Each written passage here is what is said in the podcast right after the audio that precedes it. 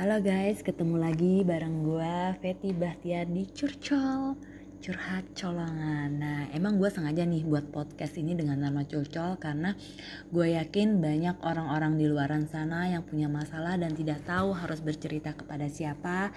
Akhirnya gue buat podcast ini dan gue akan selalu merahasiakannya. Jadi bisa kirim DM ke gue ke Feti underscore Bahtiar. Nanti uh, kita akan berbagi cerita di sana.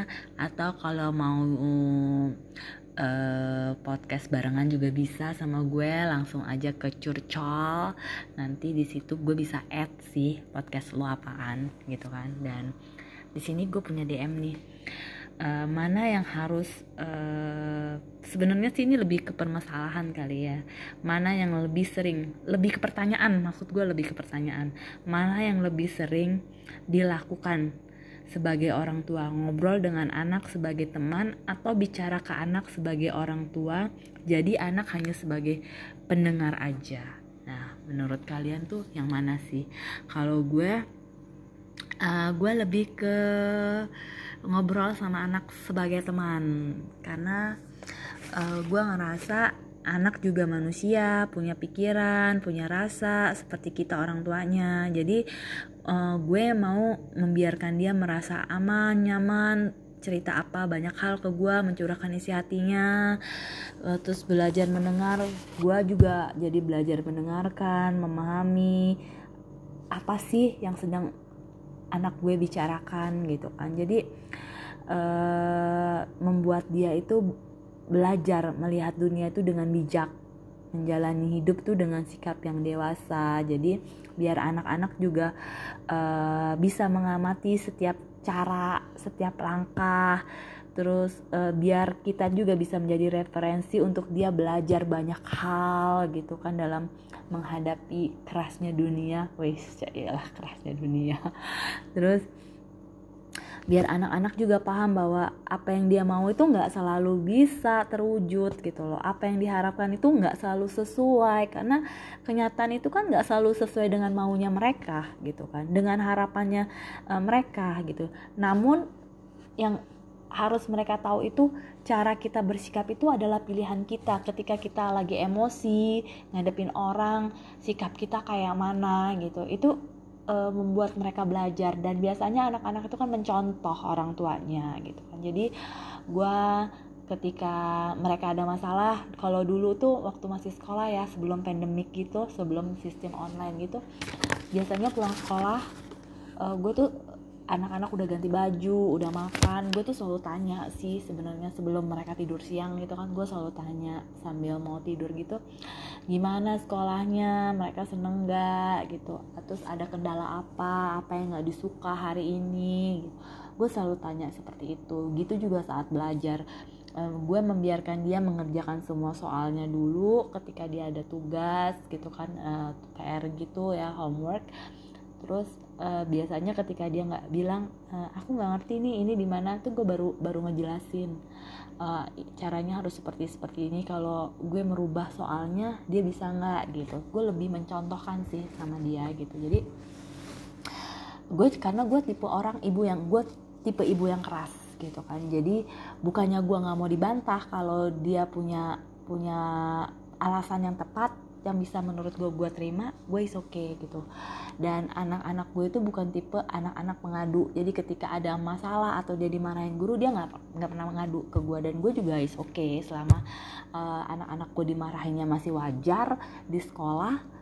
Uh, gue pikir itu pembelajaran buat dia. Ketika melakukan kesalahan ya harus bertanggung jawab. Dan ya lebih ke seperti itu sih gitu. Jadi uh, gue lebih memilih berbicara uh, ke anak itu ngobrol sebagai teman gitu. Bukan sebagai orang tua. Karena uh, menurut gue nih kita orang tua juga bisa salah. Jadi saat kita salah ya kita minta maaf sama anak. Dan gue harus mencontohkan itu gitu. Ketika gue salah gue akan minta maaf ke anak gue gitu. Jadi uh, mereka juga seperti itu. Jadi ketika mereka uh, sedikit uh, tatrum gitu kan.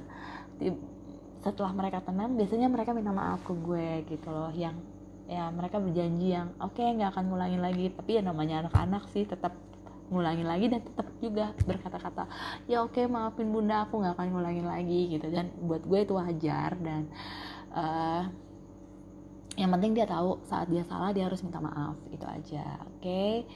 guys uh, sekian aja sih uh, curcolnya kali ini.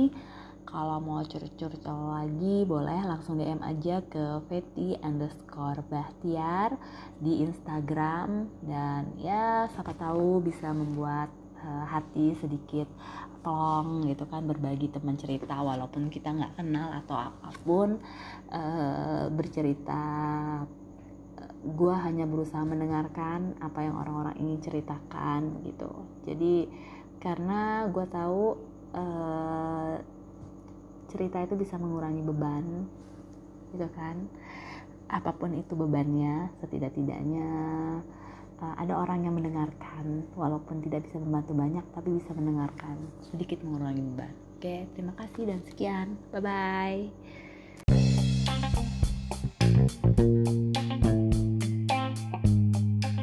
Halo teman-teman, kali ini ketemu lagi di acara Curcol dan kita sudah mendapat curhatan dari seseorang, saya sudah berpisah dengan suami dan mantan suami saya sudah menikah kembali.